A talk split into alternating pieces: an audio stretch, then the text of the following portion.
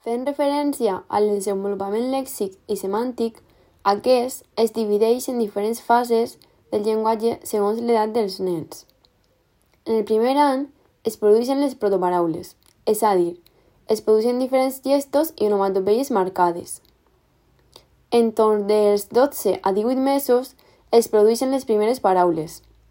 Alguns autors, com Nelson, parlen de la fase prelèxica, fase en la qual s'expressa el vocabulari referit a l'entorn.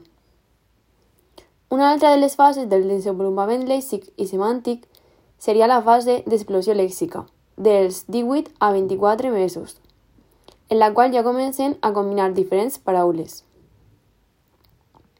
Finalment, tindrien la fase semàntica, que va dels 24 a 30 mesos, la qual se centra en la comprensió de paraules i frases. En relació a la temàtica del desenvolupament de la morfologia i de la sintaxi, tindrien quatre etapes, les quals són Etapa holofràstica. Va dels 12 als 18 mesos. En aquesta etapa, els nens produeixen frases d'una sola paraula. Etapa de la parla telegràfica.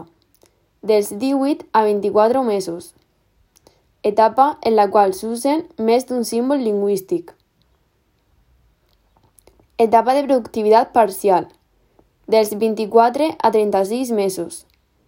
Etapa en la qual s'utilitzen marcadors morfològics i sintàctics. Etapa de la competència adulta, a partir dels 3 anys. Etapa en la qual comencen a expressar intencions comunicatives.